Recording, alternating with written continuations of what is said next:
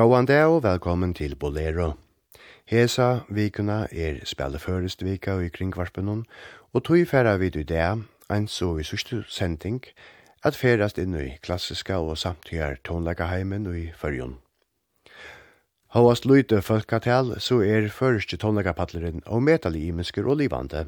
Her tonaskuld få i blåster fra bæge, natture og mentanene. Og i sendingene færa vi da kæva nyer i tonleikin kja nøkren av hesson Sera donalige og hukveitjande tonaskuldun ur fyrjun.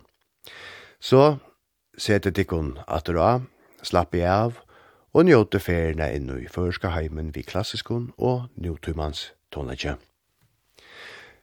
Vi løtte fire vi fyrsta satse vi heit noen ingengur, ur trio fyrir fløyto, klarinett og hodden etter Atla K. Petersen og de som framførte var Einar Johannesson, Bernardo Wilkinson og Josef Ognibene ur Blasara Kvintett Reykjavíkar. Vi fer at høyre annan og tria sats ur tri og fire fløyt og klarinett og hodn etter atla, og heser eita mittlum stitje og sankur. Og til er og atter Teitrutjer, Einar Bernardur og Josef ur Blasarek Vintet Reykjavikar som framføra.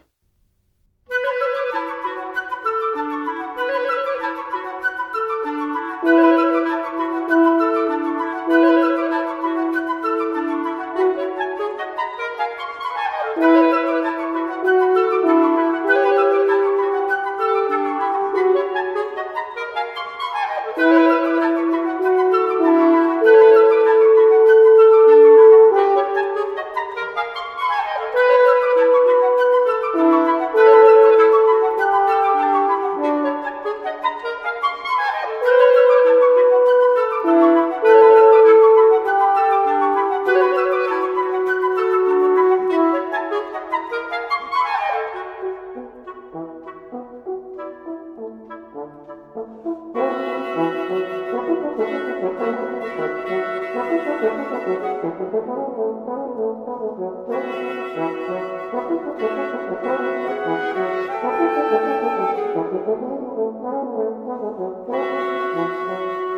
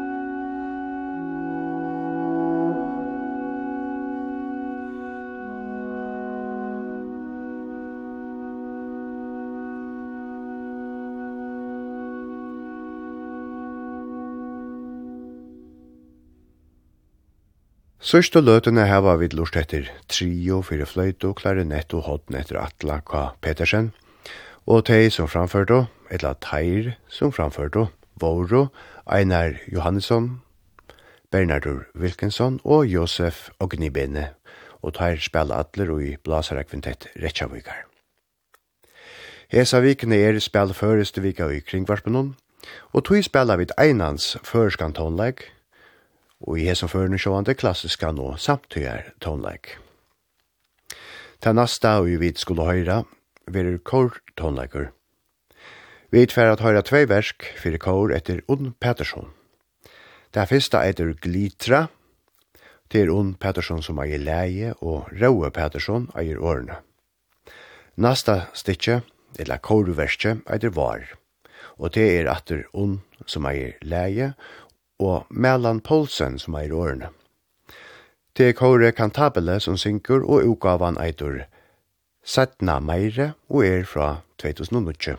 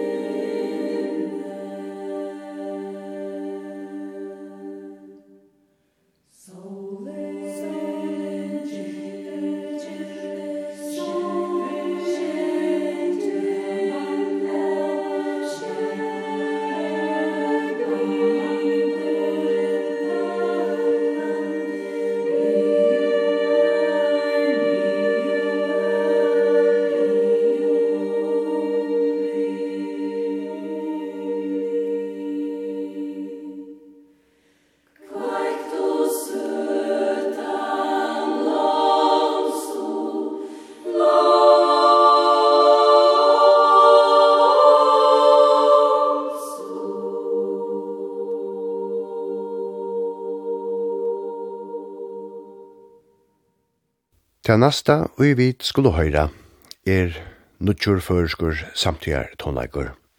Det verur kamar tonleikar av bølgeren alt og baran, og vi fer at framføra blasara og tettina fanfare lontane etter Sundleif Rasmussen. Sundleif skriva i oktettina i 2009, og hon var søgjane utgivna utgavene Andale i 2020.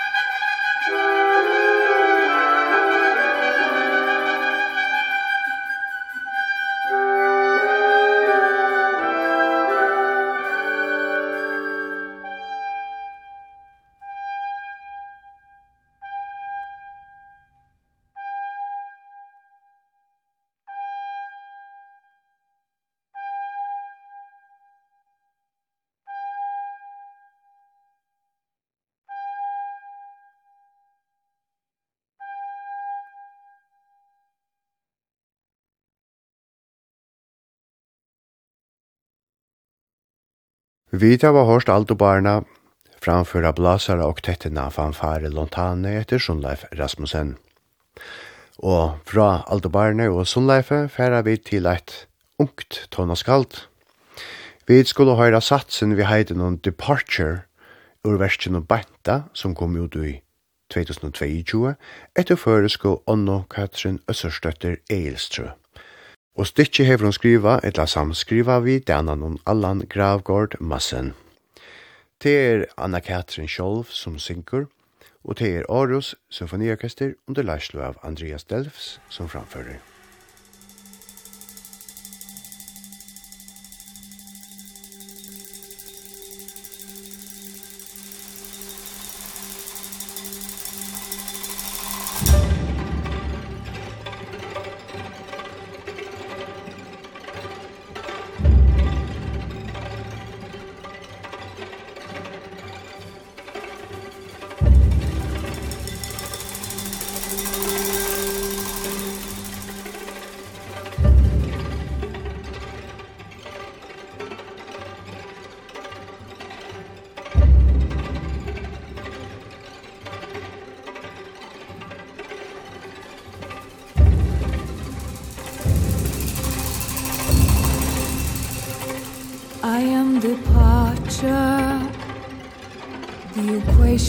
won't reveal. I have to break the patterns. I am departure. The equations won't reveal. I have to break the patterns.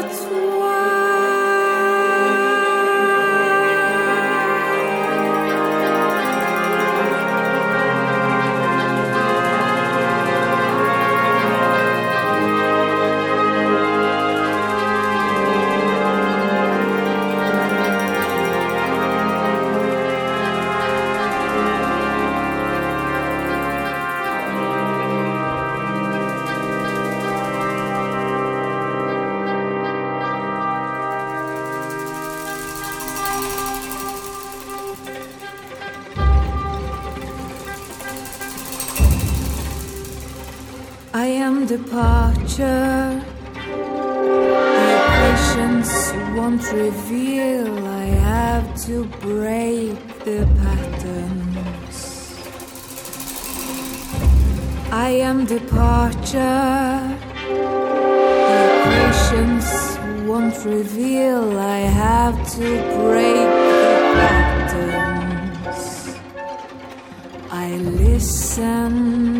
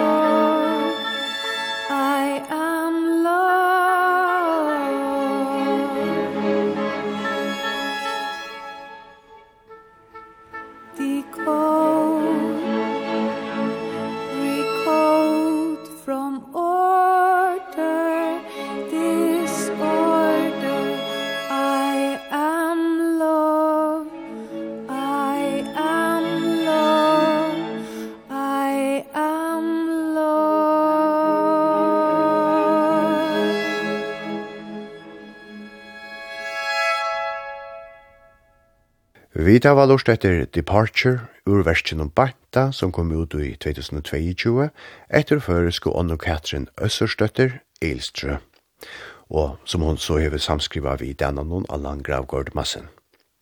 Det var Anna Katrin Øsserstøtter som sang og det var Aarhus Symfoniorkester under lærsel av Andreas Delfs som framførte.